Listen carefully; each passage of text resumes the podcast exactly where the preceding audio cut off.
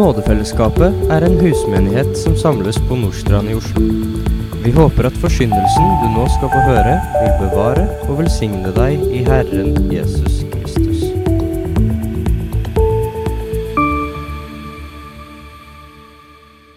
Og overskriften som eh, jeg har satt i dag, det er 'kristen kostnad'.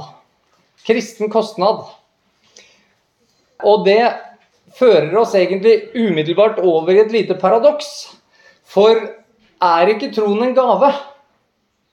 Er ikke tilgivelsen og frelsen av nåde? Er ikke lønnen nåde over nåde?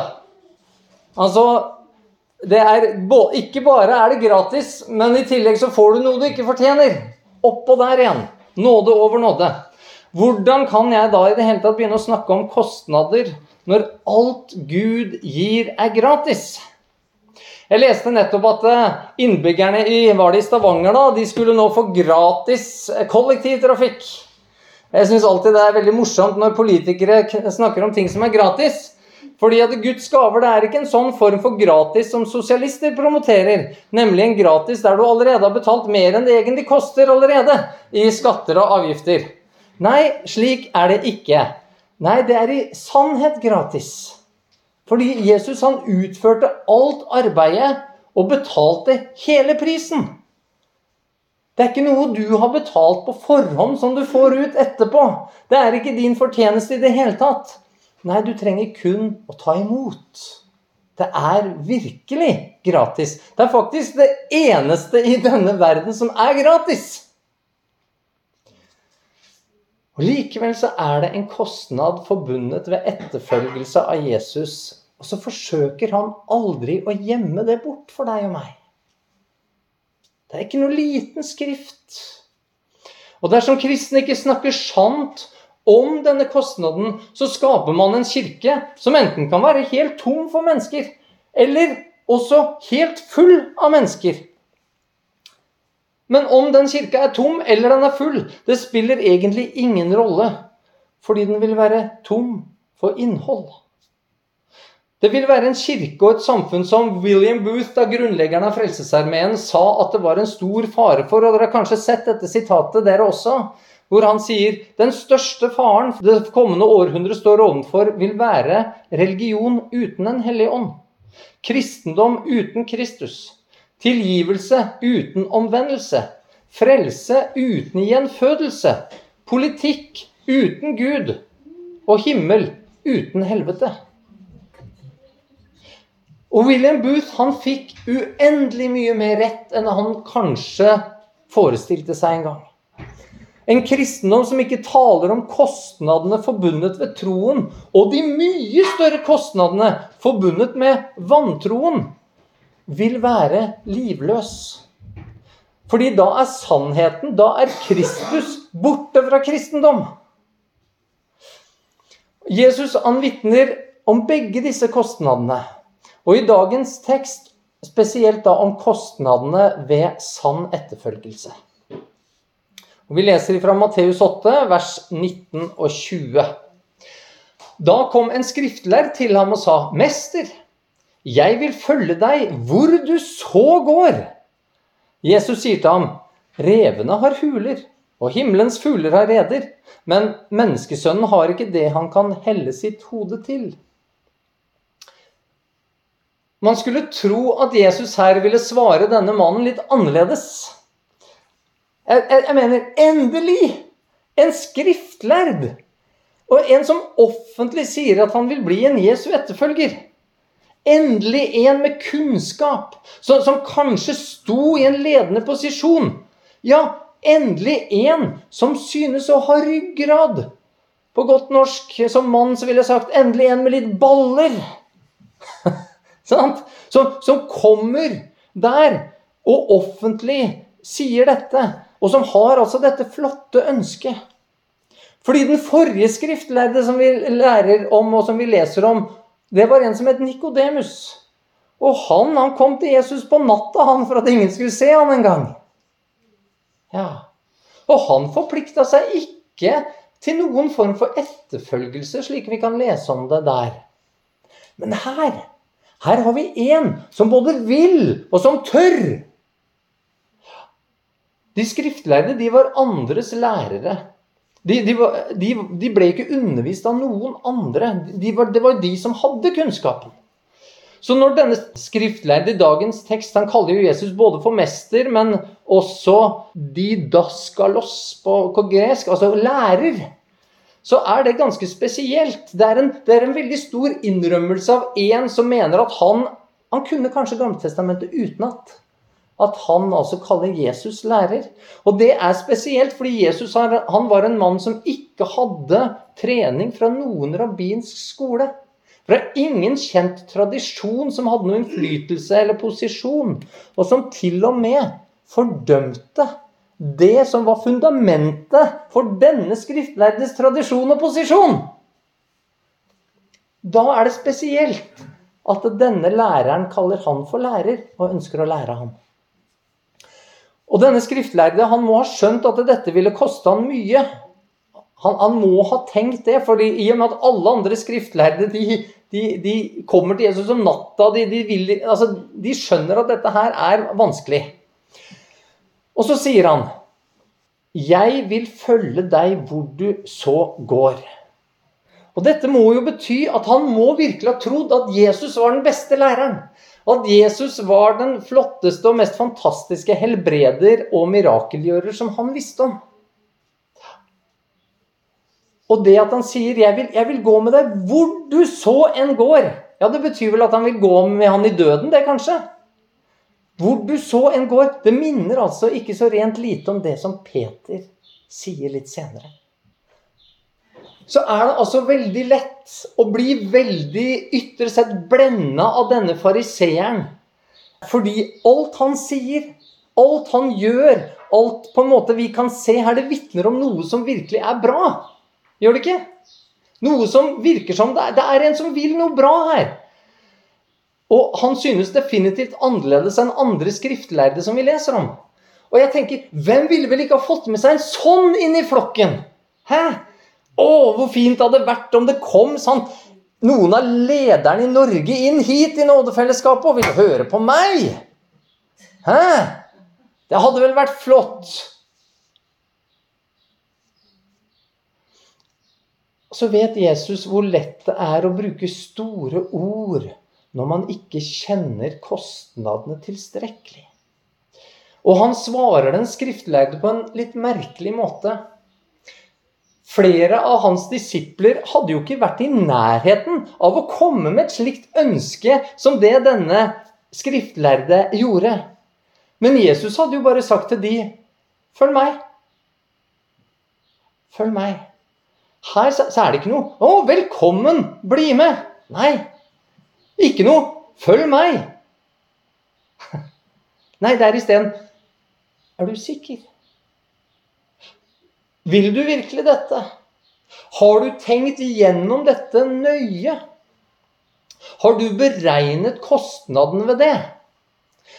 Jesus driver jo ikke akkurat og selger seg inn her, det må vi kunne si. Og som selve sannheten så er det én jobb som Jesus ville vært absolutt dårligst i verden på. Og det ville være å være selger. Jeg vet ikke om du har tenkt på det. Ah, Jesus som avisselger. Er du sikker på at du vil ha denne avisa? Jeg mener, Ganske mange prosent av det du vil lese her, det vil være både løgn og propaganda. Er, er, du sikker på at du vil ha denne bilen? Fordi at det, det er en del deler i den bilen som er designa spesifikt for å gå i stykker rett etter garantitida er utløpt. Er du sikker på at du vil ha dette huset? For du vet at om fire år så kommer det til å bli lekkasje ved grunnmuren, og, og det blir råte på, på taket pga. lekkasje om åtte år fordi at det var slett arbeid.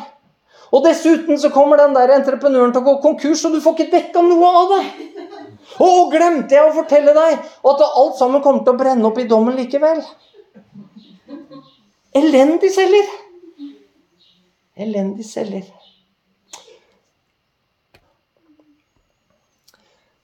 Nei, Jesus, han ville vært en veldig dårlig selger av det som er jordisk og forgjengelig. Men Jesus han tilbyr det himmelske og det uforgjengelige. Men ikke uten at han også snakker sant om det. Jesus er nemlig opptatt av skjulte kostnader. Og trekke fram de kostnadene som også denne skriftlærde, som åpenbart måtte ha visst litt om disse kostnadene, ikke selv hadde tenkt på engang. Og Grunnen til at det at beregning av kostnader er avgjørende og så viktig, det er fordi at det er det som legger premisset for at du skal klare å fullføre. I Lukas 14 så snakker Jesus om det i vers 28-30. For hvem av dere som vil bygge tårn, setter seg ikke først ned og regner etter hva det vil koste, om han har nok til å fullføre det med? Ellers kan det hende at han får bygd grunnmuren, men ikke er i stand til å fullføre. Da vil alle som ser det, begynne å spotte ham og si Denne mannen begynte å bygge, men var ikke i stand til å fullføre. For Jesus så er det ikke så viktig hvor mange som vil begynne å vandre med ham. Kun hvor mange det er som vil fullføre vandringen. Og de to tingene henger jo naturlig sammen, men kanskje ikke slik som du tror. Mest naturlig ville det være å tenke at jo flere som begynner, jo flere som starter på en maraton, jo flere er det vel som vil fullføre. Slik er det ikke i kristendommens maraton. Dersom det er mange som synes å begynne å vandre med Han, som ikke fullfører, hva sier det om de? Jo, det betyr at de er falske troende. Og mange av de vil bli såkalte falske profeter og frafalne. Og hva sier Bibelen om slike? Jo, de vil forføre mange. Og spesielt er det slik med de som er skriftlærde, men som mangler en sann tro. Slike mennesker gjør at kristendommen vil bli spotta av mennesker, sier Bibelen. Og Derfor så er det en grunn for at Jesus svarer slik han gjør akkurat her. Det er en grunn for at dette er tatt med i vår bibel av Den hellige ånd. Flere av dem som selv kommer til Jesus og ber om å få følge ham, møter en Jesus som beskriver så store kostnader at de velger å gå bort. Den rike unge mannen som vi møter i Lukas 18, han er ett eksempel på det. Han var rådsherre. Han satt i regjeringa, eller i Stortinget om du vil. Og igjen altså en svært viktig og innflytelsesrik person. Men Jesus han beskriver en kostnad for han som gjør at han går sørgmodig bort. står det. Kirken må lære av dette. Kirken må lære av dette. Den må tale sant om kostnadene, slik at det falske vandringsmenn ikke etablerer seg og begynner å komme i lederskap og kommer til å endre Kirkens budskap. For det er nettopp det som er skjedd i stadig flere kirker i vår tid. Vandringsmenn som er falske konvertitter, og som blir falske lærere og forførere av andre vandringsmenn. Jesus er altså ikke interessert i å få med seg hvem som helst på veien. For det er altså ikke noe sammenheng mellom hvor mange som begynner, og hvor mange som fullfører. Det er nærmest en motsatt effekt. Derfor er det viktig at de som begynner å vandre, er de som har skjønt hva vandringen dreier seg om. Og Det er en av grunnen til at jeg er veldig skeptisk til lettvinte konverteringer. En sånn 'bare be denne bønnen, så kan jeg erklære deg nærmest som kristen'.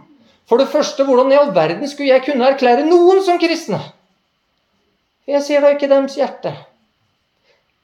Og slike konverteringer de er ofte preget av sterke følelser som ikke kommer av indre syndenød, men av ekstern påvirkning av menneskelige virkemidler. Av en veltalende, karismatisk fyr på en talerstol.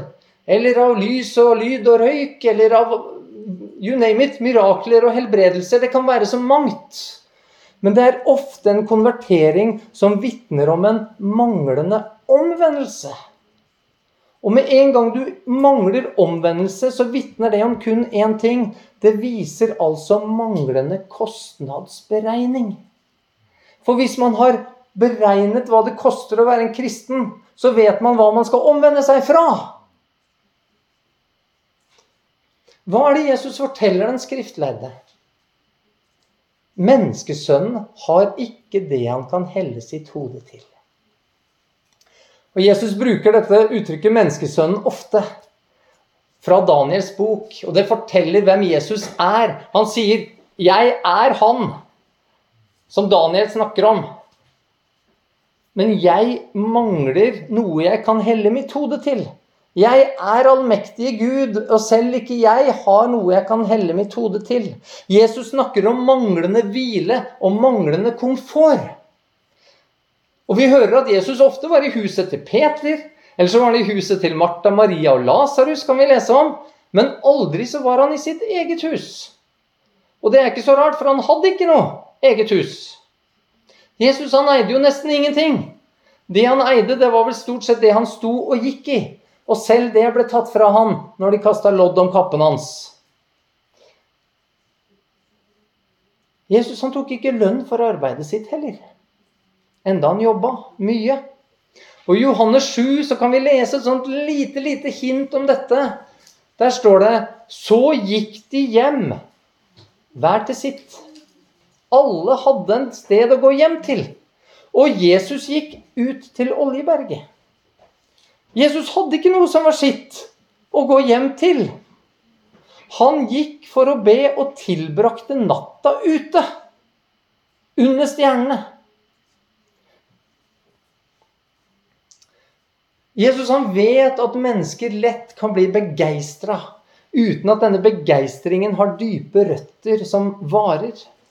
I lignelsen om såmannen så snakker han om såkornet som faller på steingrunn med lite jord som raskt vokser opp, men som ikke har røttene, og med en gang sola kommer, så visner det. I Matteus 13 så leser vi det i vers 20-21. Den som ble sådd på steingrunn, er den som straks tar imot ordet med glede når han hører det. Men han har ingen rot i seg og holder ut bare en tid. Hva er det som gjør at han bare holder ut en tid? Jo, når kostnadene begynner å komme. Når det blir trengsel eller forfølgelse for ordets skyld, faller han straks fra. Straks fra. Jesus han vet at mennesker tiltrekkes av store grupper, og at selvsentrertheten er stor. Han vet vi tiltrekkes av det som kan gi oss en fordel eller en god opplevelse. At vi tiltrekkes av tilhørighet, av mat, musikk, rykter om mirakler og det overnaturlige. Mennesker hopper med glede om bord så lenge det er lystbetont og populært. Og så vil man raskt hoppe av når det innebærer ubehag og selvoppofrelse. En bibelkommentator han beskriver det som en person som ser en militær parade. Det ser så flott ut, så ordna ut.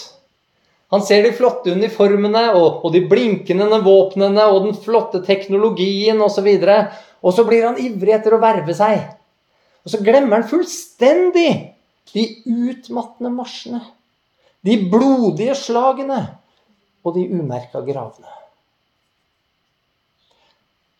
Visste Jesus at denne skriftlærde var en slik? En som ikke holdt ut det, tross alt, i den store sammenheng, lille offeret det ville vært å vandre med Jesus uten så mye komfort rundt seg noen år i Israel. Holdt den ikke ut det engang? Historien viser oss en ting. Det er at evangeliet det går ofte fram når det finnes ubehag. Når kostnadene er store. Når misjonærer og forkynnere som historisk har lykkes med sitt arbeid, har hatt store kostnader forbundet med sitt arbeid. Både fattigdom, sykdom, sult, forfølgelse og død. Og her står jeg. Hva har jeg her å gjøre, egentlig? Vi leser om det fra Paulus sitt liv og like fram til moderne tid. En kostnad som ofte handla om disse menneskene sin egen komfort, ja, men også komforten til de som sto nær til dem, nemlig ektefelle og barn. Og det er veldig vanskelig å ikke legge merke til at jo mer opptatt nye generasjoner av misjonærer har blitt med egen komfort, og mulighetene til å ta vare på sin egen familie, jo mindre synes det som om evangeliet vokser der slike blir sendt. Har disse møtt Jesus sitt ord i dag? Har de blitt konfrontert med kostnadene før de ble sendt ut? Eller var det viktigere å få fine og sikre biler med fempunkt sikkerhetsbelter og gode og trygge hus med murer og piggtråd rundt, samt å huske, og for all del, å notere overtid, slik at det ble mer tid til avspasering og være på ferieplassen? Hvis du tror at jeg bare henter dette ut fra løse lufta, så kan jeg forurolige deg med at alt er faktiske ting som jeg har hørt om i nyere tid. Revene har huler, og himmelens fugler har reder, sier Jesus. Og jeg tror at Jesus han også peker på noe dypere og mer grunnleggende enn mangel på komfort og hvile i livet. Eller mangel på et hus. Han peker på det å ha et hjem. Og det er et helt grunnleggende behov for alle. Det å ha et godt hjem, få lov til å vokse opp og kjenne på trygghet, på nærhet, på omsorg og tilhørighet. Det er udelt positivt. Uten et slikt hjem så tar mennesker av skade, både psykisk, men også gjerne fysisk. Så det er altså ikke noe trivielt som Jesus peker på her. Det er ikke noe lettvint, men noe vi vil oppfatte som helt nødvendig. Vi, vi kan ikke klare oss uten et hjem, uten tilhørighet, uten nærhet, trygghet og omsorg. Det handler altså om mye mer enn å mangle et sted å sove for en natt eller to eller flere mens man vandrer rundt i det romersk-okkuperte Israel. Det handler om at kostnadene ved etterfølgelse er å måtte oppgi sitt hjem. Det som et menneske finner grunnleggende viktig for en selv.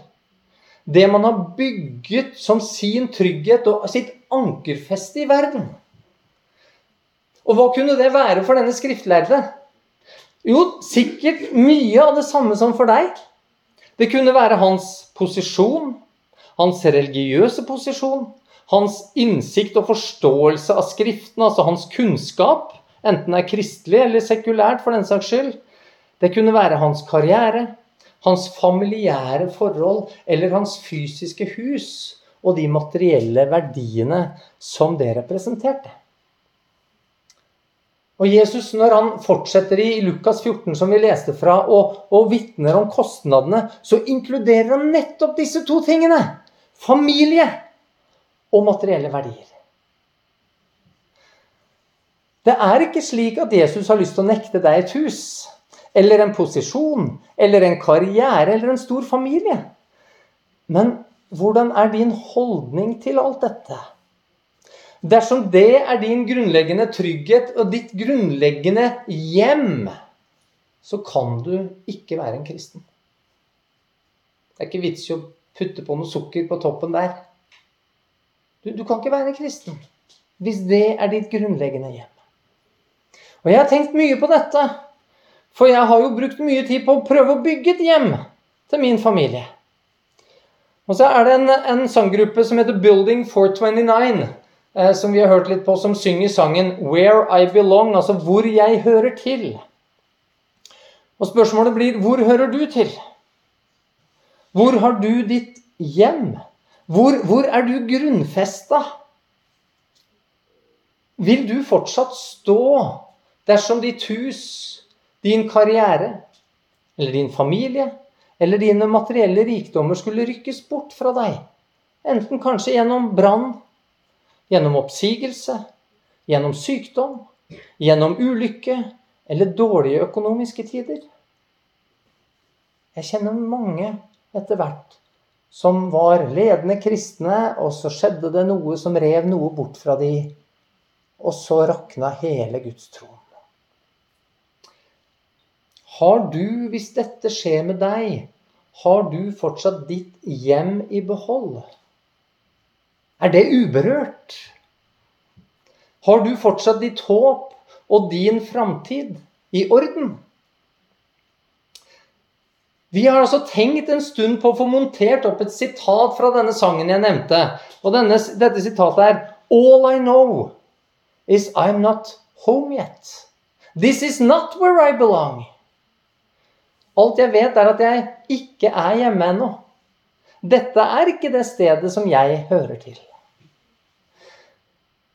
Og så har vi ikke fått rota oss til å få ordna og bestilt det ennå, men, men det skal på plass. Og jeg vet ikke hvor ofte jeg har tenkt på at det jeg har bygd, at det skal brenne opp. Men det er ikke få ganger. Og det har hjulpet meg med å ha et rett perspektiv, og samtidig få oppleve en stor takknemlighet til Han som har gitt meg alt. Også disse tingene.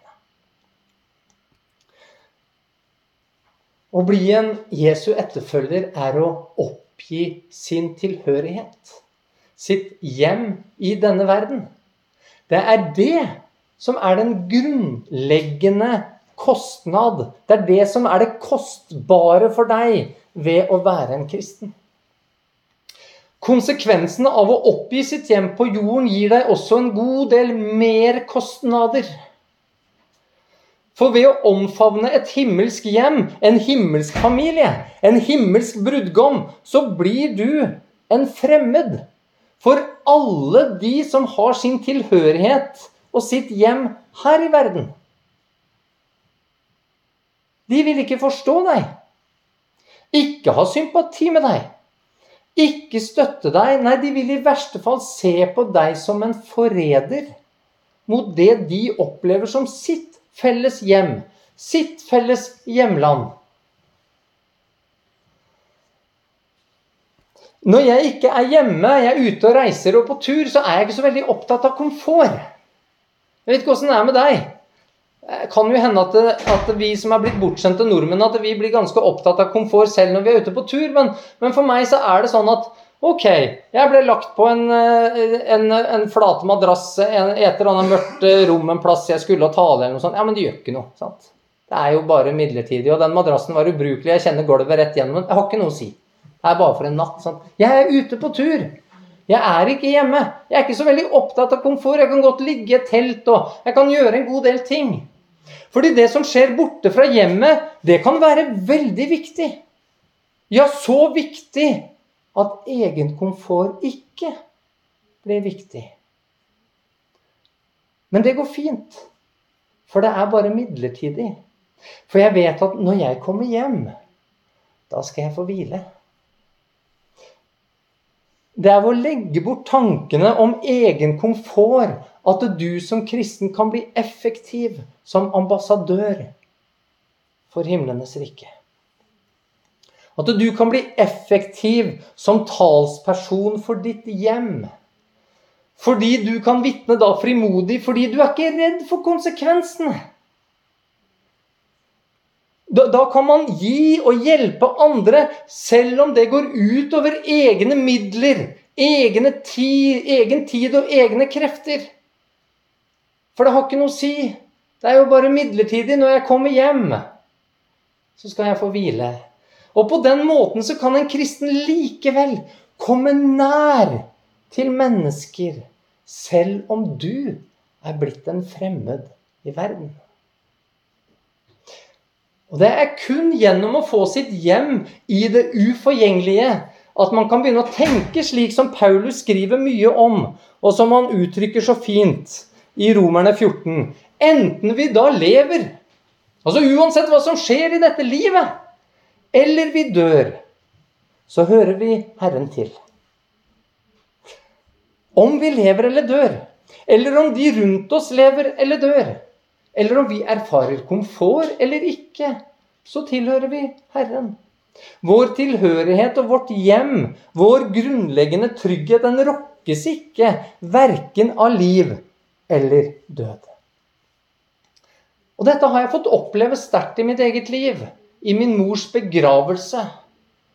Hun døde av kreft i 2009, rett før hun skulle fylt 63 år. Det betyr at hun levde altså gjennomsnittlig da over 20 år mindre enn en norsk kvinne skulle ha gjort. Hun kunne levd ennå. Og omstendighetene rundt hennes sykdom var slik at om ting hadde skjedd slik som det egentlig var planlagt, og ikke feil og misforståelser og forskjellige ting hadde skjedd, så hadde ikke den kreften hatt tid til å spre seg, hun hadde sannsynligvis levd i dag. Og hun var et svært oppofrende menneske. Hun var en glede for alle som hadde noe med henne å gjøre. Og hennes død, det var et stort tap. Og likevel så fikk jeg oppleve hennes begravelse som en fest. En fest! Jeg kan til denne dag ikke forklare hvorfor. Men det var en fest. Og grunnen var at hennes hjem og mitt hjem, det er fundert på et uforgjengelig sted fylt av sannhet. Et sted som ikke rokkes av livets omstendigheter, eller av om døden kommer tidlig eller sent. Og så hviler ikke denne tryggheten på min evne til å klare å håndtere vanskeligheter og hjemløshet. Nei, den evnen er svak hos meg. Jeg er svak. Men den hviler i troen på Han som holder meg i sin hånd. Og tar vare på meg, og som har lova at han Ingenting kan ta meg ut av den hånda. Og som har lovet at han aldri vil la meg gå gjennom noe som gjør at jeg ikke makter å bli stående. Igjen ikke fordi jeg er sterk, men fordi han er sterk.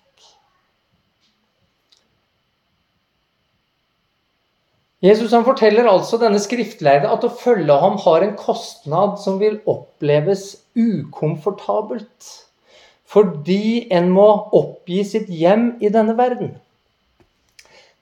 Men det er bare altså, ved å oppgi sitt hjem i verden at man kan omfavne manglende komfort. Arbeide hardt for Guds rike, oppgi egne midler og bruke sin tid rett. Det er kun på den måten du kan få til det. Vi hører ikke noe mer om denne skriftlærde. Det blir fullstendig stille etterpå.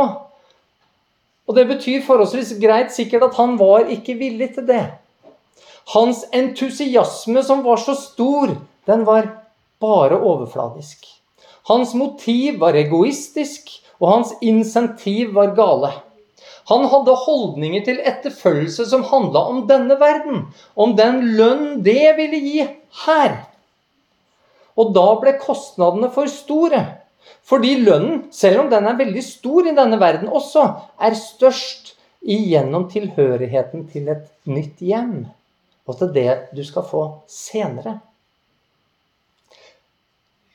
Å miste sitt hjem i denne verden det har noen konsekvenser som Jesus vitner om i forhold til en annen mann som vi møter i dagens tekst. Vi går liksom litt eh, bakover og starter med begynnelsen etter hvert her.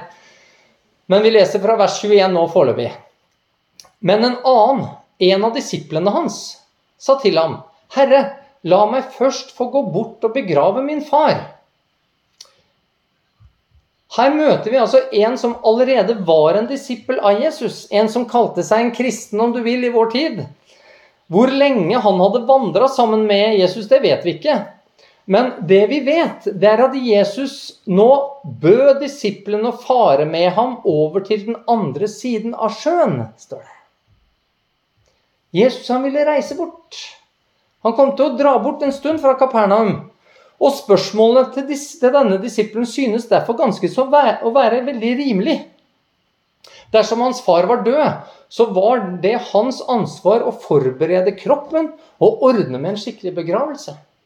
Det var også tradisjon i denne kulturen å sørge over sine foreldre i 30 dager etter begravelsen.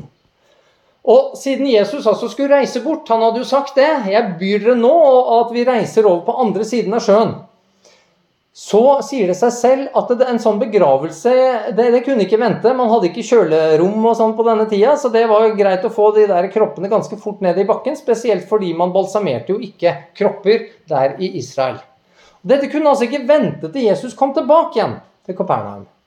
Så disippelen ba derfor om å få bli igjen i byen og ikke reise med Jesus over til den andre siden av sjøen. Kanskje var dette også en som hadde sagt til Jesus at han ville gå med han hvor han så gikk. Ville han nå bryte dette løftet?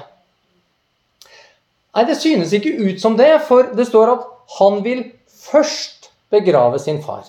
Det er altså snakk om en midlertidig ordning før han da altså har intensjon om å vende tilbake igjen til disippelflokken. Og med en slik forståelse så synes Jesus svaret igjen ganske merkelig. For Jesus sa til ham, 'Følg du meg, og la de døde begrave sine døde'. Er Jesus så lite følsom? Altså, Godtar han ikke at du kan få være der og begrave dine foreldre en gang dersom du blir kristen? Altså, Ja, vi hører jo Lukas 14 at han snakker om å hate sin mor og far osv., men det får liksom være måte på. Vi skal legge ut det litt mer skikkelig en annen gang. Nei, dette ligner ikke på den Jesus som jeg kjenner. Hans svar er her nødt til å ha en dypere mening. Det uttrykket 'å begrave sin far' det er et uttrykk som selv helt til denne dag blir brukt i Midtøsten. Og det handler om at en sønn har ansvar for å hjelpe familien og ta del i familiebedriften fram til faren dør og arven er fordelt. Så det betyr altså ikke at faren var død. Og et slikt ansvar det kunne jo åpenbart ta ganske lang tid. Ja, langt mer enn de 30 dagene som sørgetida i utgangspunktet gir inntrykk av. Det kunne altså vare kanskje både 20 og 30 år om faren fortsatt var ung. Og siden det var vanlig at en sønn som ikke tok sitt ansvar for familien og familiebedriften, enten fikk avkorta eller faktisk fullstendig mista sin arv så kan vi egentlig si at uttrykket 'la meg få begrave min far' egentlig betyr 'jeg vil vente på min arv'. Så neste gang du leser det, så bør du huske dette. 'Jeg vil vente på min arv', er det han egentlig sier. Og da begynner sammenhengen her å tre fram. Igjen så møter vi en disippel som gjerne vil assosieres med Jesus. Han vil høre han snakke og se på alt det fantastiske som han gjorde. Jeg vil gjerne gå i den menigheten, for han pastoren er så kul. Det skjer så mye kult der. Det er så, det er så bra. Jeg føler meg så bra når jeg går dit. Men, men det er altså en disippel her. Han har, han har ikke lyst til å binde seg fullstendig. Han, han vil ikke bytte sitt hjem. Han er nemlig altfor opptatt med å skape seg et hjem her i denne verden. Arven etter sin far var viktigere enn arven han kunne få fra sin himmelske far. Pengene, arbeidet og familien var viktigere for han enn å følge Jesus. Med en gang en etterfølgelse betydde at han måtte reise over til den andre siden av sjøen. Med en gang han måtte reise bort ifra det som han bygde sitt hjem på. At han måtte ofre arbeid, familie og jordisk arv. Nei, da ville han heller bli værende der i Kapernaum. Bli værende i sitt hjem.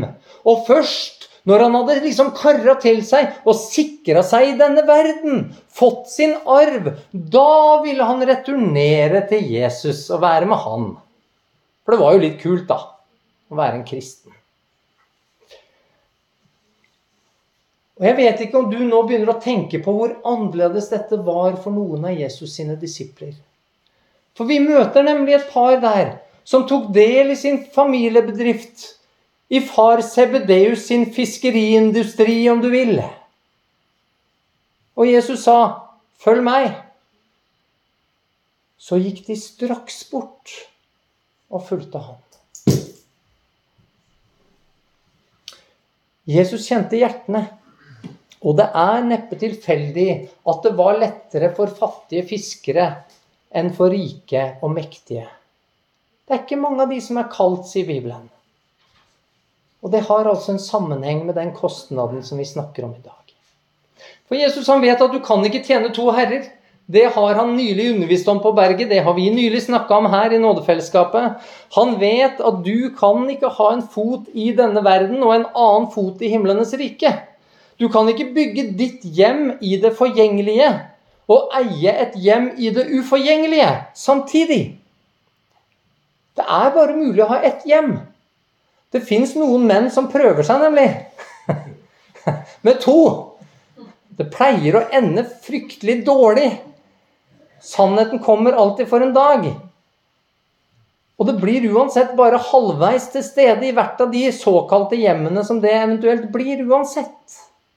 Du klarer ikke å elske begge to til døden. For du klarer bare å dø for én av de. Den andre dør du fra.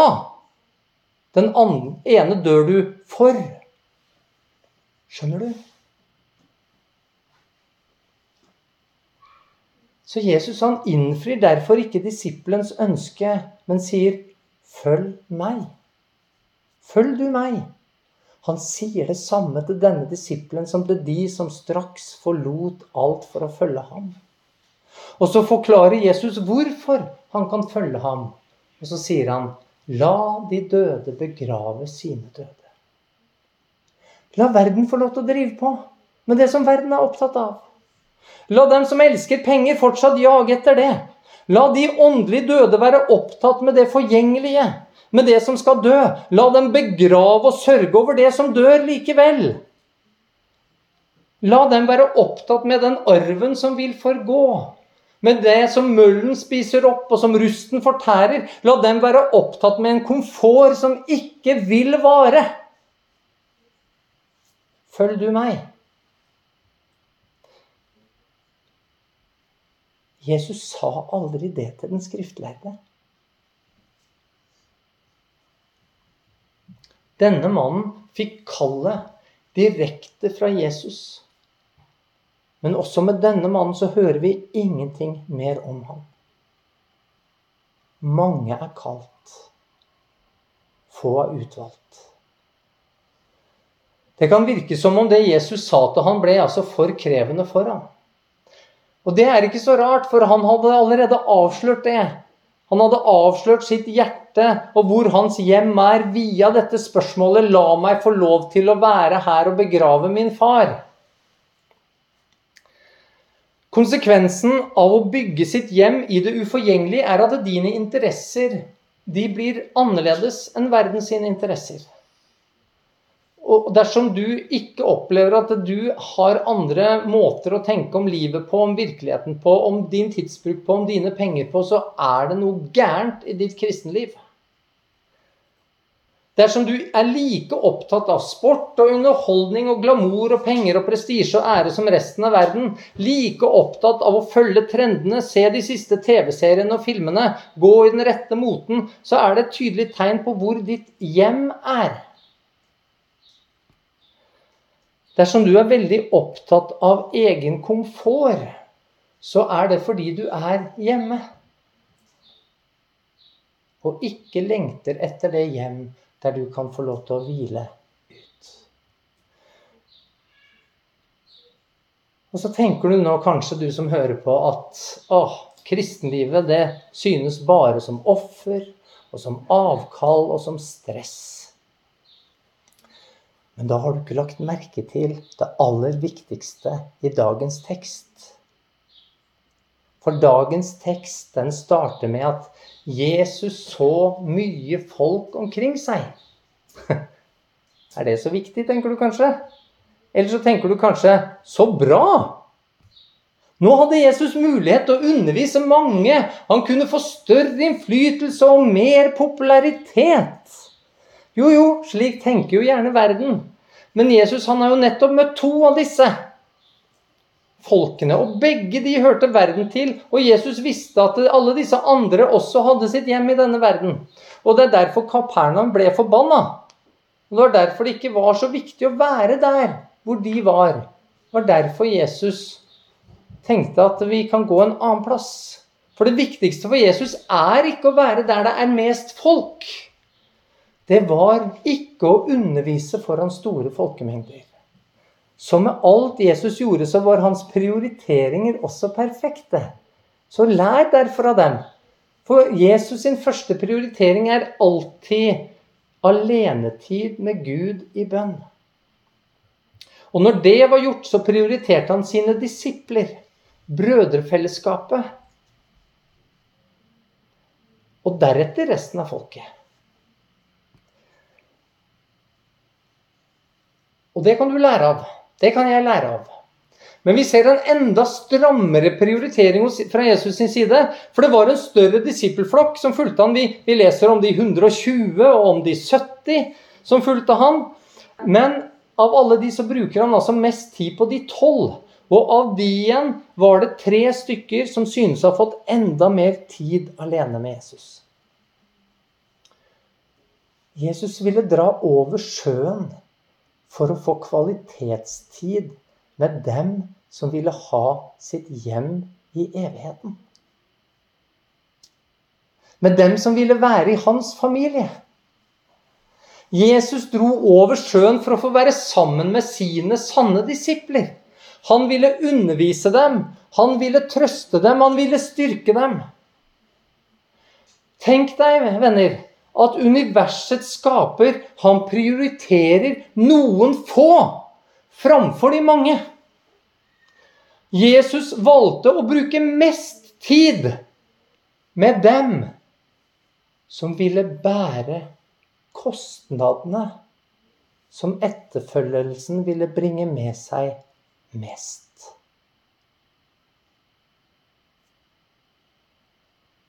Jesus dro vekk fra de mange for å være sammen med de få, som senere var nødt til å lide og dø, til og med fordi de var blitt fremmede i denne verden.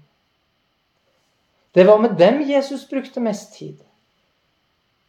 Det var for dem han åpenbarte seg. Det var dem han underviste.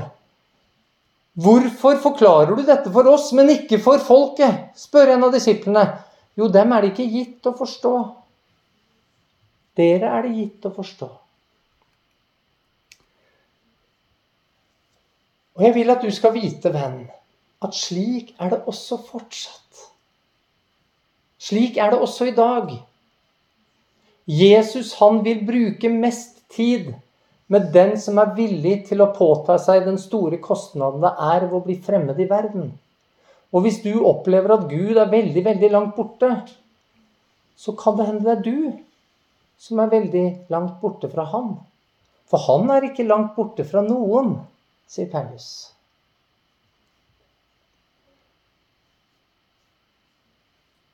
Når du skjønner dette og begynner å erfare dette, at Jesus prioriterer deg som vil bære kostnadene, så gir det altså en fantastisk trøst og glede i det kristne livet. Da oppleves det ikke som noe offer ikke som noe avkall, og ikke som stress. Nei, du takker for det. Du takker for den nåde. Du takker for at du får være tjener. Du takker for åpenbaring. Du takker for nærhet. Du takker for alt det som bare strømmer over deg av gaver som Gud vil gi til deg, og som han viser til deg. Den som velger å bære konsekvensene av sann etterfølgelse mest, er den som universets skaper vil gi mest. Både i denne tiden og en evig lønn som langt, langt overstiger alle kostnader.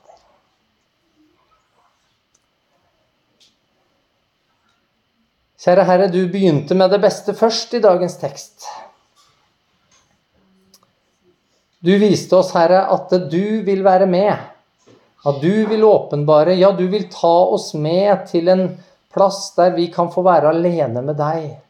Finne ro, finne hvile, finne omsorg, finne læring og kunnskap, Herre. Ja, du vil ta med oss over på andre siden av sjøen og bruke tid med oss og sette oss i stand til all god gjerning. Ja, du vil gi oss overskudd til all god gjerning. Og så fortsetter du med å fortelle om mennesker som tilsynelatende ønsker å være kristne, men som ikke tåler å høre om kostnadene. Herre, jeg ber om at vi som enkeltpersoner og vi som kirke her i nådefellesskapet, at vi tør å snakke sant om kostnadene forbundet ved troen på deg, men også snakke sant om de gaver du vil gi til den som vil bære disse kostnadene. At vi tør å snakke sant om den enda større kostnad det vil være å ikke tro på deg. Og så vet vi, Herre, at da vil vi kanskje forbli få. Det er ikke sikkert vi blir mange.